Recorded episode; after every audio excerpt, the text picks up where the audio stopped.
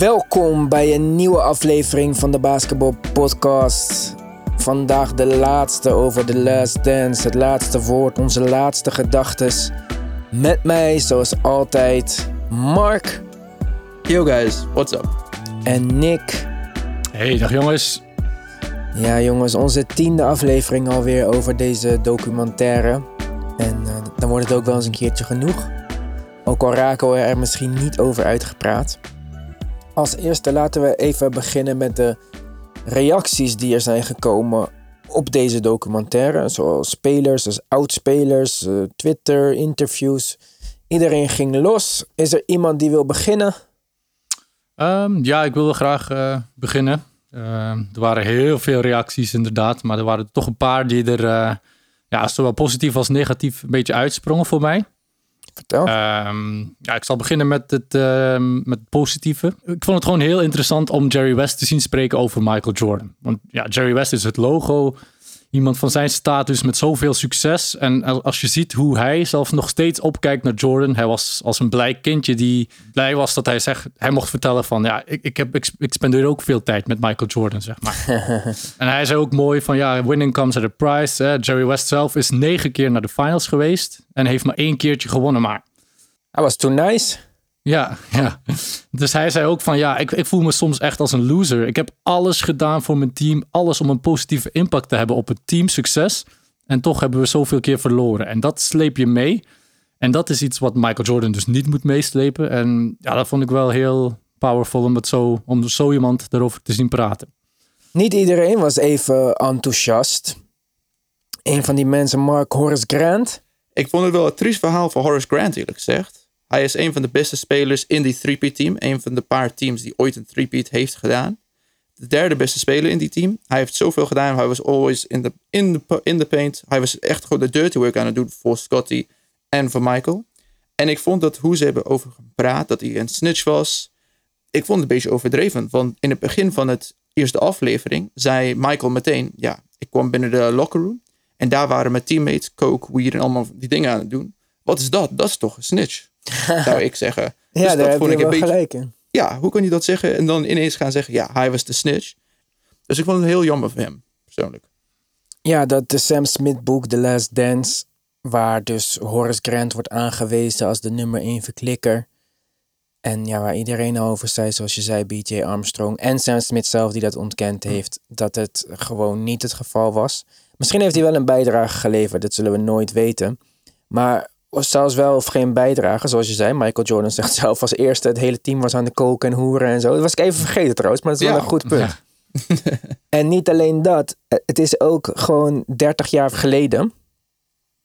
En jij Brent, bent nu degene die een documentaire uitbrengt, een tell-all documentaire.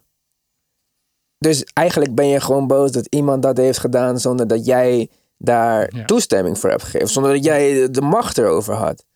En ja, dat is wel Michael Jordan ten voeten uit. Eh, een interessante reactie die ik heb gezien. Los van Scottie Pippen trouwens, die volgens Jackie McMullen ook gezegd zou hebben dat hij het echt totaal niet eens is met hoe hij is neergezet in de documentaire. Maar hij heeft daar nog niet echt een quote over gegeven. Misschien dat we die nog krijgen. Scottie is natuurlijk ESPN-analyst. En deze documentaire is ook gemaakt door ESPN. Dus het is sowieso al raar dat ze iemand van hun, van hun eigen personeel dan ja, zo benadelen. Maar achteraf misschien viel dat ook best wel mee. Want behalve het hele gezeur om zijn contract, we zien Scotty als de man die ook de championship mogelijk heeft gemaakt.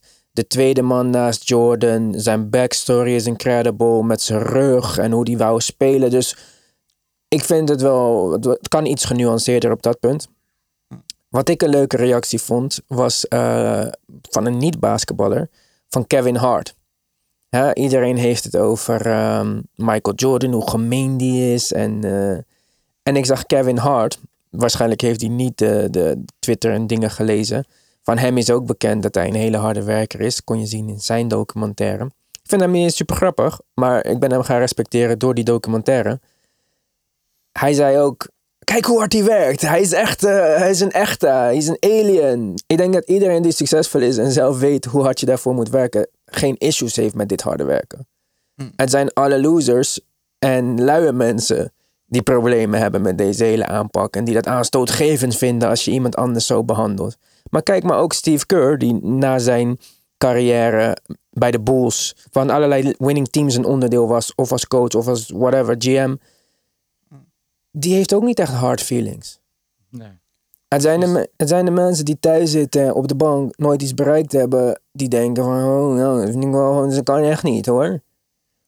En het zijn de teamgenoten die ja, eigenlijk er niet toe deden, met alle respect naar die Butchler guys en zo. Maar ja, Ja. Nee, inderdaad. En ook over spelers die er niet toe doen. Mijn, mijn tweede reactie was eh, die van eh, Channing Frye, trouwens. oké, Eh, ja, spelers die er niets toe doen. weinig toch? Dat is ook een mooi voorbeeld daarvan. Hij zei ook van ja, MJ hij had eigenlijk maar één job en dat was gewoon scoren. En Oh, ja, dat, ja, ik- ja. dat, is, dat is gewoon belachelijk. Ik denk gewoon, ja, Channing Frye, ik denk dat hij fan was van een team dat veel verslagen werd door Michael Jordan of zo. Dat hij ook een beetje in zijn feelings was. Want Channing Frye, zijn, zijn career high in steals was 64 bijvoorbeeld. En MJ had ooit in één maand 71 steals. Ja, maar, een maar voorbeeld. Dus ja, Ja, precies, daar zeg je het al. En Mart Smeet zei in onze laatste aflevering: Michael Jordan begrijpt niet waarom andere mensen niet kunnen wat hij kan en niet denken zoals hij denkt. En eh, het omgekeerde geldt voor niet-winnaars, zoals Channing Frye. Niet dat hij een mislukte persoon of mislukte speler is, ik zeg niks over hem. Maar hij begrijpt niet hoe het is om die guy te zijn in het team. Want dat is hij nooit geweest. Ja, misschien in high school of eh, weet ik veel. Dus eh, leuke comment, maar als je dat zo ziet, dan eh, ja, zie je het wel echt fout naar mijn Ja, mening. ja, inderdaad. Een, een beetje maak je jezelf toch een klein beetje belachelijk. omdat, nou, nou, in mijn ogen dan. Goed, in de reacties kwamen al een aantal namen voorbij. Laten we verder gaan met de grootste losers van deze documentaire. Dan wil ik alvast één naam in de hoed gooien, of in de ring gooien. Hoed in de ring, naam in de hoed, weet ik niet. Maar Gary Payton zit helemaal te vertellen hoe goed hij was, hoe bijzonder wat hij deed. Defensive Player of the Year in de finals. Michael Jordan ziet het filmpje, lacht het weg. Oeh, pijnlijk hoor. Ik denk niet dat Gary Payton op dat moment op de bank bleef zitten thuis toen hij dat aan het kijken was. Nee, inderdaad. Nee, daar zal hij het niet mee eens geweest zijn. Maar ja, dat is ook het effect. Jordan wou het laatste woord hebben. En hij, hij, hij lacht inderdaad gewoon. eh, ja, Gary Payton was een fucking goede verdediger. Dus eh, Ja, het is niet zomaar niks. Niet zomaar niemand of zo. nee, er zijn weinig mensen die hem op zijn plek kunnen zetten. En eh, dat gebeurt ja, voor, miljoenen manier. mensen. Ja, ja, inderdaad. Mark, Ik- biggest loser. Oeh, ik wou ook Gary Payton zeggen, maar ik vond dat Charles Barkley kwam er wel niet zo goed uit uiteindelijk. Want hij gaf wel toe dat ik wist dat iemand beter dan mij was. Jordan, omdat hij niet zo'n goede relatie heeft met Jordan nu. Omdat eh, Jordan een beetje of boos op hem is. Dat hij heeft gepraat over hoe hij een slechte eigenaar is. En Charles heeft gewoon geen, niet de respect gekregen van Jordan voor die finales eh, appearance toen. Ja, goed, Jordan gunt niemand iets. Hè, dus eh, het is niet zo is de beste maat. Dus eh, ik vond het Ja, wel maar ze hebben, voor. ze hebben nog wel jaren gehad dat ze niet met elkaar eh, spraken en zo. Het is niet enkel nu onlangs. ze hebben al eh, ze hebben nog wel eh, mindere, Ja, mindere precies. tijden gehad. Dus ik weet niet, zijn ze dan wel... Ja, zijn ze dan wel zo'n Ja, goede vrienden? hebben- Heeft ze hebben- Jordan wel veel goede vrienden? Nick, jouw biggest loser. Ehm, mijn biggest loser is eh Jordan's familie. Hoezo? het, lijkt, het lijkt wel in de documentaire dat, dat, ze, dat hij geen vrouw en geen kinderen had. Ze komen net buiten de laatste aflevering komen ze even aan bod. Maar ze, ik had wel verwacht dat ze toch een beetje een, een, ja, een, een stukje van het verhaallijn zouden krijgen. Toch een beetje vernoemd eh, zouden worden. Maar goed, ja, het, het is een Ja. documentaire over The Last Dance. En, eh, En hij is ook gescheiden van die ex, hè? Dus Ja, dat precies, zijn precies. voor mannen altijd pijnlijke onderwerpen Ja, om en- dan je ex credit te gaan geven. Zeg. En het was een Ja. hele slechte scheiding, hè? Dus Ja, ja, ja, nee, inderdaad. Maar ik, ja, ik had misschien een beetje verwacht, want dat zijn de dingen waar we graag meer over willen weten. Maar die zijn helemaal niet aan bod gekomen. Eh, maar ja, om ze nu losers te noemen is ook een beetje overdreven. Maar eh, ja, ik, ik had ze een, een grotere rol, of toch een rol. Ja, over kleine rollen gesproken. eh, Met minimale rollen. Justin Timberlake, Nas en Common. Eventjes in beeld. Ja, voor niks eigenlijk. Want volgens mij is Justin Timberlake een beetje mijn leeftijd. Dus ik, ik weet eigenlijk niet wat hij kan zeggen over Jordans in de 80s of zo. Misschien liepen ze toevallig in het gebouw rond als er werd opgenomen of zo. En zijn ze. Ja, ik vond Ja. het heel vreemd hoe, hoe zij zomaar in die documentaire, dat ik echt dacht, wauw, waarom zijn, zijn hun hier? En dan, Ja. dat was het ook. En het is niet alsof deze mensen nou het best aansluiten. Als ze nou Will Smith hadden gevraagd, bijvoorbeeld, zou ik nog logisch vinden. Die heeft altijd iets met basketbal gehad. Die is wat ouder. Ja, die heeft de stijl, de Jordans en de, en de Fresh Prince heeft hij toch eh, ja, echt Ja, wel... Jordan trainingspak, alles. Ja. Dus dat zou ik al logischer gevonden hebben. Maar ja, dat kan iets te maken hebben met, ehm, met dat het wat haastig in elkaar gezet is. Op het Nou, laatste nee. moment. En misschien met corona dingen. Dat er niemand meer Ja. geïnterviewd kon worden. Ja, het lijkt me wel heel moeilijk om de laatste paar stukjes samen te zetten. Als je het niet kan f- samen filmen, produceren, je moet alles op afstand. Justin Timberlake is ook een Jordan ambassador. Hij is ook aangesloten bij Jordan eh, Ja. familie. En misschien is het ook om een beetje een meer divers publiek aan te trekken... door Justin Timberlake in de trailers of zo te gebruiken. Ik, dan- ik weet het niet. Ja, misschien dat is wel. Divers publiek is wel een goeie. Ik wou zeggen, laat dan Russell Westbrook of Carmelo Anthony, die Ja, allebei maar- Jordan deals hadden. Die zijn, wat, die zijn dezelfde Ja. leeftijd minimaal als Justin Timberlake. En ja, die hebben ook echt wat over basketbal te zeggen. Ja, ik, Ja. vond, ik vond het maar een kleine... Het was ook een rare West- anekdote met eh Ja. tuinen, heggen. Wat was het ook weer? Grasmaaien Hij- of zo. Ja, om geld te sparen voor de eerste Jordans. Dat, Ja, volgens mij was hij, zat hij al als baby in die eh, Britney Spears club hoor. Dus eh, volgens mij had hij wel gewoon genoeg geld om Jordans te krijgen. Maar. Ja, wel jammer. Ja goed, het is wat het is. Andere losers nog jongens. Jerry Kraus. Scottie Ja. Pippen. En ik zei het al in de intro. Niet echt voor mij een super loser. Nee, loser niet, maar er zijn wel dingen, bijvoorbeeld ook in die laatste wedstrijd, eh, de Pippen zijn, zijn famous line dat hij zegt eh, dat Carmelo twee op moest schieten en dat hij naar hem gaat en zegt the mailman doesn't deliver on Dat zat Sunday. er niet in, toch? Dat zat er niet in. En dat Ja. is wel een vrij groot ja, stukje oké. toch. Zijn, zijn beetje assertiviteit is er wel uitgeknipt. Hij was wel een Ja. soort van het schaapje die wel echt een Jordan nodig had. Ja, ja En- precies. Ja. andere losers misschien, tenminste volgens Vernon Maxwell, de Houston Rockets. Want we kijken naar de hele NBA van 1984 tot 1998. En we vergeten even de twee titels van de Houston Rockets. Olajuwon in hetzelfde jaar als eerste gedraft. Ik bedoel, we horen van alles over dat Jordan niet naar Portland is gegaan. Omdat Clyde Drexler daar was. Maar we horen niks over het feit dat Olajuwon boven Jordan is gedraft. Houston waarschijnlijk dat ten alle tijden nog een keer had gedaan. En Olajuwon hen ook gewoon twee titels bezorgd heeft. Ja. Ja, Ja. precies. Uh, horen weinig al- credit. Ja, we horen alleen dat, dat de Bulls het niet redden zonder Jordan. Maar niet Ja. dat de Houston het wel redden tegen de Bulls. En, en je moet eerlijk kijken naar die wedstrijden de, in de regular seizoen, die twee jaren. Hadden ze al de regular season wedstrijden verloren tegen hun. Want een goede Rockets team. Jammer dat we niet in de finales hebben gezien. Ja. Maar dat, eh, dat heeft Jordan wel geadresseerd eh, door de zin te zeggen: eh, They can't win unless I quit. dat is voor Ja, hem. eh, maar dat- misschien, misschien ging hij weg omdat hij een beetje bang was. Ja, Ja, ja, nee, nou, maar zo, komt, ja. zo zie je inderdaad weer. voor honderd keer moeten we het weer zeggen dat het allemaal Jordan, eh, Ja. Jordan zijn, zijn beslissingen zijn. Hoe denken jullie over LeBron James? Past die in de loser categorie? Ik denk dat voor hem een debate all-time GOAT gedoe belangrijk is. En ik denk dat deze documentaire toch wel weer de weegschaal een tikkeltje richting de Michael Jordan kant heeft doen eh, gaan. Ja, ja, ja, ik heb een beetje een gemengd gevoel. Aan de ene kant denk ik eh, dat het misschien nog wel ergens eh, in, in Jordan zijn nadeel zou kunnen spelen. Dat hij zo de touwtjes in handen moet hebben en dat, dat LeBron zich later anders kan profileren en een, en een ander soort eh, volk voor zich kan winnen. Maar langs de andere kant denk ik, Jordan zijn toughness, daar, daar kunnen de komende generaties nog wel wat van leren. Dus dat gaat, eh, die Ja. zijn een beetje, een beetje gevoelig. Dus dat is precies net eh, misschien wat hen kan, eh, kan motiveren en eh, inspireren. Dus ja, en ook ja, LeBron zeg, heeft ook in zijn carrière gezegd dat hij nummer 23 chased. Door zo'n dingen te zeggen, dan kan je hem al bijna niet inhalen in mijn ogen. Daar maakt je al een mooi bruggetje naar eh, de nieuwe generatie. Dat is voor mij dan ook gelijk het eerste kopje in de winnaarcategorie. Alle mensen die nog nooit Jordan hadden gezien en die nu voor het eerst op een zeer uitgebreide manier zomaar een eh, geschiedenisles eh, voorgeschoteld kregen. Ik denk dat de jonge mensen vooral eh, de winnaars zijn. Ook omdat mensen misschien van mijn leeftijd, van Nick leeftijd. En ook een van onze Instagram reacties, Undrafted85, als dat zijn eh, geboortejaar is. Die zei, ik vond het toch weer tegenvallen. Jammer dat er voor de kenner weinig nieuws in zat. En ik denk dat dat wel een beetje de tendens is onder de, ja, ik weet niet, 25, 30 plus mensen.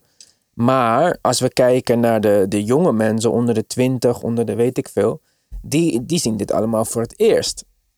En dat Ja. is toch een hele andere manier van, van ja, het, het spel benaderen. Je, ziet toch meer Taco Tuesdays tegenwoordig dan mensen die hun teamgenoten uitschelden. Dat is eigenlijk Ja. not done. Ja, ja. Gisteren zat LeBron wel met een dikke sigaar. eh, dan dacht ik ook weer van, ga. Ja, hij doet Normaal rookt hij nooit, normaal rookt hij nooit sigaren en nu gaat hij. Maar goed. Maar goed, Nee, inderdaad. Want de Ja Morant bijvoorbeeld, voordat de documentaire werd uitgezonden, was eh, LeBron, zag hij LeBron als de GOAT. En hij heeft ook echt eh, publiekelijk gezegd dat hij nu zijn mening herziet en toch veruit Jordan eh, de bovenhand geeft. Dus ik, ik was wel best verschoten dat zelfs NBA-spelers als Ja Morant, dat zij toch niet zo heel diep in, eh, dus dat zij ook wel nog veel Ja, dingen maar- bijgeleerd hebben. Ja, maar het is een generatieding. Als je aan ons vraagt wat is de beste telefoon ooit, zeggen wij misschien een iPhone. En als je dat aan iemand van 50 vraagt, die denkt terug aan die Motorola Razr en die dacht, wow, dat waren nog eens tijden. Ja. tennis is- van vroeger. Het is ook qua muziek altijd zo. Mijn favoriete cd tot de dag van vandaag is TQ, They Never Saw Me Coming. Het is een cd uit 1998. Ik denk niet dat veel mensen van eh 20 en jonger nu denken, wauw, dat was nog eens een album. Ja, ja, Dus zo is het ook met spelers. Iedereen heeft zijn eigen favorieten. Mensen die in de jaren 80 zijn opgegroeid of in de jaren 70 naar basketbal hebben gekeken. Bijvoorbeeld Bojan's favoriete speler is volgens mij Magic Johnson. Hm. Het is maar net wie je als eerste te zien Als je, krijgt. ja, als je net op dat moment dat, Ja, eh, dat Magic... dan maakt het zo'n impact. En ja, ja, precies. Dus ik snap het echt wel als mensen zeggen dat LeBron de beste is. En zo zullen er misschien mensen over tien jaar zijn die zeggen: Jordan, LeBron, Zion of eh, Ja. wie het dan ook mag zijn. Ja. Een andere winnaar voor mij is eh, Nike. ja, zeker. Zeker. Dit, eh, ik denk, en niet alleen als je ziet hoe zij in die tijd geprofiteerd hebben van hun eh, band met Jordan. Maar ook nu, dat tijdens elke wedstrijd waar weer die nieuwe Jordan surprise drops werden gedaan, alles gelijk uitverkocht was. De Jordan 1's, de originele, gingen op stak X keer 2 in de prijs. Oké, dat is dan niet eh, voor Nike resale relevant. Al het harde werk wat Puma en Adidas al jaren aan het doen zijn om cool Ja. te worden voor basketbal, is toch eigenlijk wel weer. eh, Verloren moeite. ja, een beetje wel, ja, inderdaad. Eh, en dan heb je nog ook die Kobe-line. Die... Ik vind het een beetje eh, jammer dat... Of ik, het verbaast me een beetje dat Nike er niet nog meer op heeft ingespeeld. Dat ze de Last ja Dance... The Last The Dance Shot- Once of zo. Ja, of ja, iets, dat is ja. dat ze elke aflevering een, eh, een release doen die aan bod komt in de... Maar ja, het is ook een beetje vervroegd uitgekomen. En met ja, corona is het ook niet... zij het ook eh, niet. Ja, de productie loopt ook een beetje achter de. Alleen vond ik het ook eh, opmerkelijk. Ja, de last shot, dus de schoenen die Jordan aan had, de laatste wedstrijd. Mhm. Wisten jullie dat Jordan de allerlaatste wedstrijd nog van, nieuw, van schoen heeft veranderd? Dat hij normaal eh, altijd met Jordan 13 speelde. En voor de game 6 heeft hij de Jordan 14 aangedaan, die pas maanden later zou uitkomen. Toch, ook, toch ook een beetje vreemd dat iemand voor zo'n belangrijke wedstrijd nog net eh Of van schoenen briljante Ja. marketing. Briljante Ja. marketing. Hij wist misschien dat het zijn laatste wedstrijd Ja, kon, kon en worden. dan denken mensen, wow, wat is dit? Is dat die? Is die nog niet uit? Ja. Wat? Ik kan niet wachten tot die uit is. Ja, ja, ja, exact, inderdaad. Dat is, zo is het een beetje. Want die schoenen staan voor eeuwig bekend als de last shot. En die, eh, ja, precies. Ja nee. Ik denk dat dat misschien eerder, eh, ik denk dat het niet superveel te maken heeft met wat hij lekkerder vond zitten of niet. als het, er goed, als het eh, geld kon opleveren, dan eh, was het... Ja. Ja. En ook, ook opmerkelijk vond ik dat Jordan altijd zijn eigen schoenen helemaal van het, van het begin veterde tot boven. Nee, hij kreeg elke wedstrijd een nieuw paar. Ja, Dus maar normaal zijn, die, normaal zijn die al geveterd. Bij elke speler zijn die al Oh. geveterd. Maar hij deed dat liever zelf. Hij, om een of andere reden is het bijgeloof of is het gewoon een soort van autisme dat hij denkt van ik doe alles beter. Het is beter dat ik het zelf doe of zo. Ja, bijgeloof wel, had eh, hij sowieso met zijn eh, North Carolina broekje onder elke eh, Ja. outfit. Ja, Een andere grote winnaar voor mij in ieder geval, misschien voor jou niet Nick, maar is Dennis Rodman. Ja, Misschien nee. een beetje in de vergetelheid geraakt in, in, in de loop der jaren. Toch meer als een, ja, om het, ja geen goed woord, maar meer als een gekkie gezien dan als een, eh, als een Hall of Famer. Maar behalve dat we in deze documentaire zien terugkomen hoe goed hij was en wat hij deed en dat zijn inzet op het veld nooit te lijden had. Dat Jordan ook geen één keer iets negatiefs heeft gezegd over zijn speelstijl. En in die tijd nog eens schokkend ervaren. Maar als je kijkt naar tegenwoordig en je kijkt naar Tekashi 69, die ziet er alweer gekker uit dan Dennis Rodman. Die heeft tatoeages in zijn gezicht. Dat is tegenwoordig toegestaan en normaal. En travestie is ook niet meer zo raar. Caitlyn Jenner mag gewoon alles eraf halen, chirurgisch. Ik denk als hij in deze tijd had gespeeld, was hij helemaal niet gek geweest. Nee. Maar is het Nou, gewoon ja. normaal, grappig. ah. Om in deze tijd eh, de dingen uit te eh, de, dezelfde grenzen te oversteken die hij heeft. eh, Ja, er je zou dat? geen grens meer zijn. Zou- Want die zijn al lang verdwenen. Het, is, het Schengen-akkoord is al gesloten. Weg met de grenzen. Ja, ja, ja. Als je Nee, kijkt inderdaad. dat Kyle Kuzma zijn haar zo vaak verft... en elke speler tegenwoordig bijna onder de tatoeages zit. ja. Ja, wat is er dan nog raar? Ja, die jurken waren een beetje raar. Die, ja, ja dat maar is misschien inderdaad. als, als hij in deze tijd was opgegroeid... had hij niet eens de behoefte gehad om zich zo te moeten uiten... omdat hij al meer geaccepteerd was geweest. Ja. Zie je maar weer wat twintig jaar aan tijd eh, kan veranderen, zeg maar. Ja, inderdaad. Maar van karakter, van persoonlijkheid is hij nog niet veel veranderd na 20 jaar. Nee. Sinds, eh, Nee, nee, hij maar- blijft dezelfde rockstar eh, mentality. Hij vindt zichzelf ook echt wel... Ja, het heeft een vreemde, vreemde, vreemde persoonlijkheid. Tuurlijk, hij is raar, maar hij heeft ook veel tikken gehad Maar- in zijn leven. Je kan voor niemand Ja, kijken ja. van... eh, Nee, precies, precies. Ik, eh, ik blijf... eh, ik ga niet zeggen zijn number one fan, maar hij heeft wel echt... eh, ik vind hem echt eh, een baas. Ik ben grotere groot fan fan. geworden. Ik ben een grote fan van Common Electro geworden. Ja. Dat moet ik eerlijk zeggen. Maar, Ja, hey, Ik heb Baywatch wel vaak gezien vroeger. Dus, eh, maar eh, voor, voor mij persoonlijk, een van de grootste winnaars was eh, Phil Jackson. Ik dacht, hij heeft echt heel goed overkomen. Hoe hij praat, over hoe hij heeft met alles omgaan. Je zag gewoon de respect van Michael Jordan. Hij liet gewoon de spelers hun ding doen. Hij wist hoe de spelers best moesten omgaan met elkaar. De laatste herinneringen dat we hebben van Phil Jackson was eh, bij de Knicks. Eh, het Ivans oude favoriete team. ja, ik zei En het dat was een beetje dramatisch. tegen Nick, precies zoals jij Ja. Ja. Ja, En dat was eh, echt dramatisch. Hij kwam over als oud. Hij was een beetje oude- ja, heel ouderwets. Wat hij heeft ook gezegd over LeBron en zijn passie en die soort dingen. Ja, met zijn kozen. En hij, ja, hopelijk zijn de beelden allemaal recent. Maar Ja, alles dat zit- weet ik ook niet eigenlijk. Want hij was wel erg fris voor... eh, of Hm. misschien, misschien was het ook waar, hè, wat ze toen zeiden tijdens de Knicks. Dat hij gewoon getekend heeft omdat het te veel geld was. ja. En dat hij ook dacht, fuck dit, vriend. Laat mij gewoon lekker slapen. Ik verdien weet ik het hoeveel miljoen per jaar. Je weet het niet. Ja, en het was ook geen makkelijke klus om de, om de Knicks weer op de, op de rails te krijgen. Dus eh, Ja, precies. Dat was, maar dan, dan zien we weer hoe slim Steve Kerr is dat hij dit heeft afgeslagen. Want Phil Ja, Jackson ja. heeft hem als eerste die baan aangeproot als headcoach. ja. wie weet dat het ook een andere kant op kunnen gaan met de Knicks met hen. Maar ja, dus zo, kan je, zo kan je bezig blijven. Precies. Nog andere grote winnaars? Of, Voor mij een winnaar, omdat ik, eh, ik kende hem ook niet zo goed. Die eh Ahmad Rashad, die reporter waar MJ zo close mee was. Hij, Ja. komt ook, eh, hij is een beetje de PR-manager geweest van de, van de, van Ja, de Bulls ja. in die tijd. Dus eh, ja, hij heeft, heeft hij goed gedaan. eh. Hij was ook degene die Leonardo DiCaprio in eh, de kleedkamer had geloosd. Hij was echt, Ja. een, eh, ja, had echt een grote vinger in de pap, zeg maar. Ja. Goed jongens, gaan we verder met eh, onze echte laatste gedachtes in deze het laatste woord uitzending. Welke dingen hebben we gemist? Nick, jij had het al eerder over die uitspraak van Pippen. Een klein zinnetje kan zomaar een, ja, een heel ander beeld of een heel andere perceptie over iemand vormen.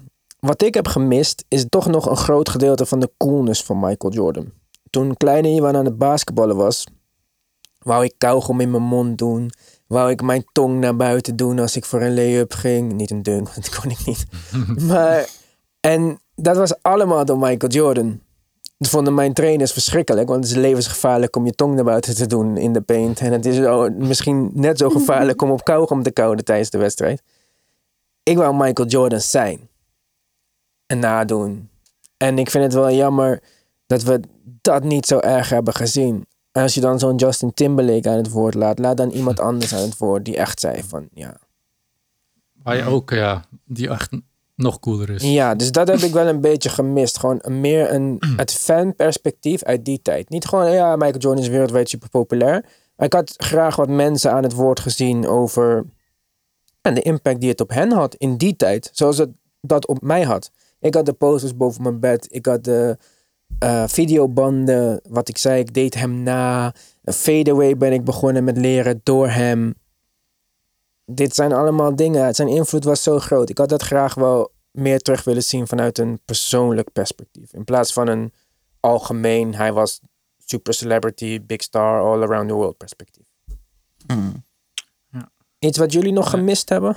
Persoonlijk, ik vond het een beetje jammer dat ze hebben niet zoveel gedaan over het ene seizoen zonder Michael. Dat, ik vond het wel gewoon, toen ze praten over de beste basketbal ooit, we hebben één clip gezien. Dat vond ik een beetje jammer. Ja, en die, die term was heel, heel belangrijk, ja. Dat ze zeiden van de triangles run to perfection, best basketball Hmm. they ever played. Ja, Ja, dat is wel zo. niks gezegd, niks gezegd bijvoorbeeld waarom. Want kijk, het werkte wel beter met Michael, want ze wonnen. Maar waarom was het gewoon. Of waarom werkte Michael zo goed in de triangle? Gewoon een klein stukje. Misschien waren ze alleen 20 seconden daarover praten. Maar ik had het heel, heel leuk gevonden als Phil Jackson had gepraat over misschien eh, de verschil tussen de 93 en de, en de 97 team. Iets, iets daarover wat meer, wat meer achterkant. In plaats van gewoon een paar flashy foto's en videostukjes. Dat zou ik ook willen zien. Ik zou ook een hele documentaire over de triangle willen zien. Maar dan komen we wel meer eh, richting een doelgroep mensen zoals wij. En niet Ja. een algemeen publiek. Kijk, dit is eigenlijk Tiger King, hè? Ik denk dat mensen die verstand hebben van tijgers ook niet naar Tiger King zaten te kijken en dachten van wauw, dat wist ik nog niet over tijgers. Dus Dat is het zo, verkeerde ja. vlees. Ja, ja, precies. Die tijger loopt echt niet zo. eh. Ja, ja, ja. Het was geen visolie, weet ik veel wat de fuck het was allemaal. Maar ik denk wel dat het voor het algemene publiek ehm, zelfs misschien soms nog te gedetailleerd was. Een van de meeste Hmm. feedback die wij hebben gekregen, dat de tijdlijn onbegrijpelijk was. Zijn Mart ook zelfs. Ja, ik, ik zou het ook uiteraard liever hebben, willen hebben gezien, maar ik denk dat dat niet, eh, niet mogelijk was geweest. Dat was mijn antwoord ook geweest. Ik wil gewoon meer basketbalbeelden, meer interactie tussen bijvoorbeeld op het einde als, eh, als die, die tweede three-peat eh, gewonnen hadden. Hoe dan Phil Jackson even naar MJ ging en dan gewoon die interactie tussen die twee. Daar, daaruit leer je zoveel over hun onderlinge relaties. En dat vind ik eh, super interessant. Dan zit ik echt ja, te kijken met, hoe zeg je, dat, met open ogen. Ja, want wat vonden jullie uiteindelijk van de hoeveelheid aan achter de schermen beelden die ons beloofd waren? Nee, Ik vond die heel miniem. Ik, ik had echt, eh, nou, ik, ik kan gerust nog 13 uur kijken. Dat hoeft voor mij niet gemonteerd te zijn naar, Ja, naar achter de schermen beelden. Dat, eh, maar Zo ja, achter de schermen vond ik het niet. Ik denk als je die achter de schermen beelden eruit had geknipt, dat ik Ja. ongeveer hetzelfde beeld had van deze documentaire. Ja, ja, ja, ja. Ja, precies inderdaad. Het, eh, ja, ze hebben de wedstrijden niet uit, uit, eh, uitgebreid besproken. Dus dat vind ik ook wel een beetje... Ja, maar dat, er was gewoon geen tijd voor als je ziet... Ja, eh, je hebt nog wel die Game 6 hè, die op ESPN Ja, is dat is de- maar die hebben Ja, wij ja. niet op Netflix gekregen. Dus daar moeten we misschien even creatief, eh, creatief is voor nou- zoeken in Nederland. Maar dat is misschien nog wel interessant, zeker interessant om te kijken. Iets anders wat ik graag zou willen zien nu. Ik weet niet of jullie bekend zijn met Open Court. Het is ook een ESPN-productie. Oeh. Oh ja. Maar dan wil ik Open. Court met Ernie Johnson als presentator. Maar dan daar Phil Jackson, Horace Grant, Scottie Hmm. Pippen, Dennis Rodman. Dat iedereen daar zit in een rustige setting met een fantastische host. En dat Ja. we dit even allemaal echt direct uitspreken. Dat Pippen kan zeggen waarom, Ja. waarom hij vond. Ja, ja dat dat, het- de spelers als, als peers ook iets terugzeggen tegen MJ. Ja, tegen ze hem ook- elkaar. Ja, ja, inderdaad. Steve Kerr erbij, Michael Jordan, die in het echt gaat huilen en zegt: I'm sorry guys. ja, weet ik veel. ja, ja. Maar dat, dat zou ik zeker. Dat, ik vind ook dat ze dat moeten doen. Want fucking Tiger King hebben we dit zelfs mee gehad. Dat we zo'n re- reunie-aflevering krijgen. ja. En zelfs Friends krijgt een reunie-aflevering. Met de Hier- tijgers erbij eh, in, Ja, maar. met Tiger King. Ja, nee, ik weet het niet. Met Maar, die eh, mensen toch of zo. Ik, Ja, ik las het alleen, ik heb het niet gekeken. Ja. Maar dat zou ik echt graag willen zien. En ik denk dat dat ook zeer realistisch is. Want zowel Chuck, Charles Barkley mag er ook bij dan voor mij. Charles als Scotty. Iedereen zit al bij ESPN. Ja. Ja. Dus dit moeten ze gewoon regelen, vind ik. Er is geen, eh, geen excuses. ja, ze zijn wel aan het praten over een misschien een bonus episode. Dus Maar wat gaan we daarin zien dan? ja, precies. Ja. ja. Want je hebt, ze hebben nu al de conclusie getrokken. Ik denk Nou, dat ze het te haastig hebben afgemaakt. Ja, ik denk, ik denk zelfs als ze meer tijd gehad, dat het resultaat gewoon dit ging zijn. Dat, Het is wat- ook niet super makkelijk. Hè? Het is maar 10 uur voor 15 jaar of zo. Ja, precies. Er zijn nog zoveel verhalen die, eh, die niet aan bod zijn gekomen. Ja, maar dat was mijn meest teleurstellende voor de hele series. En het ging over het laatste seizoen. Ja. En ik wou alles over het laatste ze. seizoen horen. Ja, maar misschien ook Oh. omdat ze dat hebben gezegd van tevoren. Hè? Want stel Ja. je voor dat ze dat niet hadden gezegd. Dat ze niet Ja. hadden gezegd, dit zijn achter de schermen beelden. Dat ze niet hadden gezegd, dit gaat over het laatste seizoen. Maar dit gaat gewoon over Jordans carrière bij de Bulls. Dan hadden wij misschien nu gezegd... Ah, wel vet, die achter de scène. Ik had heel veel dingen Ja, nog ja, niet gezien. En Ja, eh, het is ook een beetje wat zij hebben gezegd. En daar kwam mijn teleurstelling in eerste instantie vandaan. En zo te merken ook die van jullie. En vooral als het gaat Mhm. over die achter de schermen beelden. Dus ja, Ja. ik wil gewoon nu die reunie. Ze moeten gewoon praten met z'n allen. En Ja. iedereen moet ook zijn zegje kunnen doen. En kunnen verdedigen waarom zij vinden dat het eh, wat wel of niet zo is. Ja. En als Horace Grant dan zegt, ik was niet de enige. En dat Ja. Scotty. En dat en, eh, iedereen zegt, jawel bro. ja, dan maar we dan het. wil ik dat Dan zien. weten we het. Maar ook misschien gaat wel Scotty zeggen of Phil Jackson, come on Mike, you gotta understand. It's not build on one player's uh, iets. Ja, ja, Ja. ja. Dus dat zou ik nog wel willen zien. Ja, maar om die reden gaat MJ er nooit eh, aan deelnemen, denk ik. Omdat er te veel kans is om... Hij is echt God status. En nu, hij is niet gewoon super legend. Hij is echt gewoon nog daarboven. En alles... Ja, hij zit echt gewoon een ander level. En hij wil niks, eh, niks dat een beetje afbraak doet aan zijn, eh, aan zijn accomplishments. Jammer genoeg. Oké jongens, kort rondje, hoogtepunten van de documentaire. Mark, het hoogtepunt in één zin. Phil Jackson. Nick, Eh, aanloop naar de laatste wedstrijd. Aanloop naar de... Dan moet jij zeker op zoek gaan naar die Game 6. eh om Ja, dat nog ja, ja. even goed te bekijken. Ja, allemaal. dat is blijkbaar wel heel, ja, blijkbaar heel goed, eh, goed Hey. gemaakt van ESPN, heb ik gehoord. En jij, Ivan? Ik denk dat voor mij het hoogtepunt is zijn work ethic. Ik zeg absoluut niet dat ik op zijn level ben. Maar ik werk ook echt hard. En ik merk dat heel veel mensen dat soms eh, ja, niet zo goed tegen kunnen. Of dan snel ja, maar belachelijk vinden omdat ze zichzelf er niet toe kunnen zetten of zo. Ik, jullie hebben mijn gesigneerde foto's gezien van Dr. Dre en van Kobe Bryant. Legendarische work ethics. Daar is later nog Kevin Hart bij gekomen. Maar Jordan is misschien ook op dat gebied de king. En dit zijn mensen die mij inspireren. Je kan nooit hard genoeg werken. Arnold Schwarzenegger trouwens. Arnold Schwarzenegger, Ja. Michael Jordan, Dr. Dre, Kevin Hart en eh, Kobe Bryant. Deze mensen zijn mijn inspiratie op het gebied van hard werken. Ja. En ik hoop ook dat er gewoon jonge mensen zijn die dit hebben gezien en die niet het idee hebben dat gewoon een Instagram-account beginnen en 100 likes krijgen, ja, voldoende is eh, voor een succesvol Nee. leven. Je bent er nooit. Je bent er sowieso nooit. Jongens, maar wij zijn er wel weer aanstaande vrijdag Yes. met een nieuwe DBP Live. Ik hoop dat jullie het leuk vonden om te luisteren naar onze verslagen van de Last Dance. En dat het misschien iets ja, meer duidelijk heeft gemaakt voor de mensen die wat problemen hadden met de tijdlijn. We zijn er ook op YouTube, voor het geval dat je dat nog niet wist. Als je ons niet kan vinden op YouTube, ons kanaal heet DBP. Als je dan een aflevering zoekt, DBP eh, live aflevering 6, dan kun je ons wel vinden. Lukt het alsnog niet, kijk even op onze Instagram. Daar staat een filmpje hoe je op ons kanaal kunt komen. Wij zijn nog maar net nieuw, dus komen niet gelijk bovenaan in de zoekresultatenlijst. Voor de rest, like, subscribe, deel. 5-star ratings op Apple Podcast. Je kunt ons vinden op Instagram At de Basketball Podcast. en op Facebook. De Basketbal Podcast. Dan zeg ik voor nu bedankt voor het luisteren en tot vrijdag. Yo.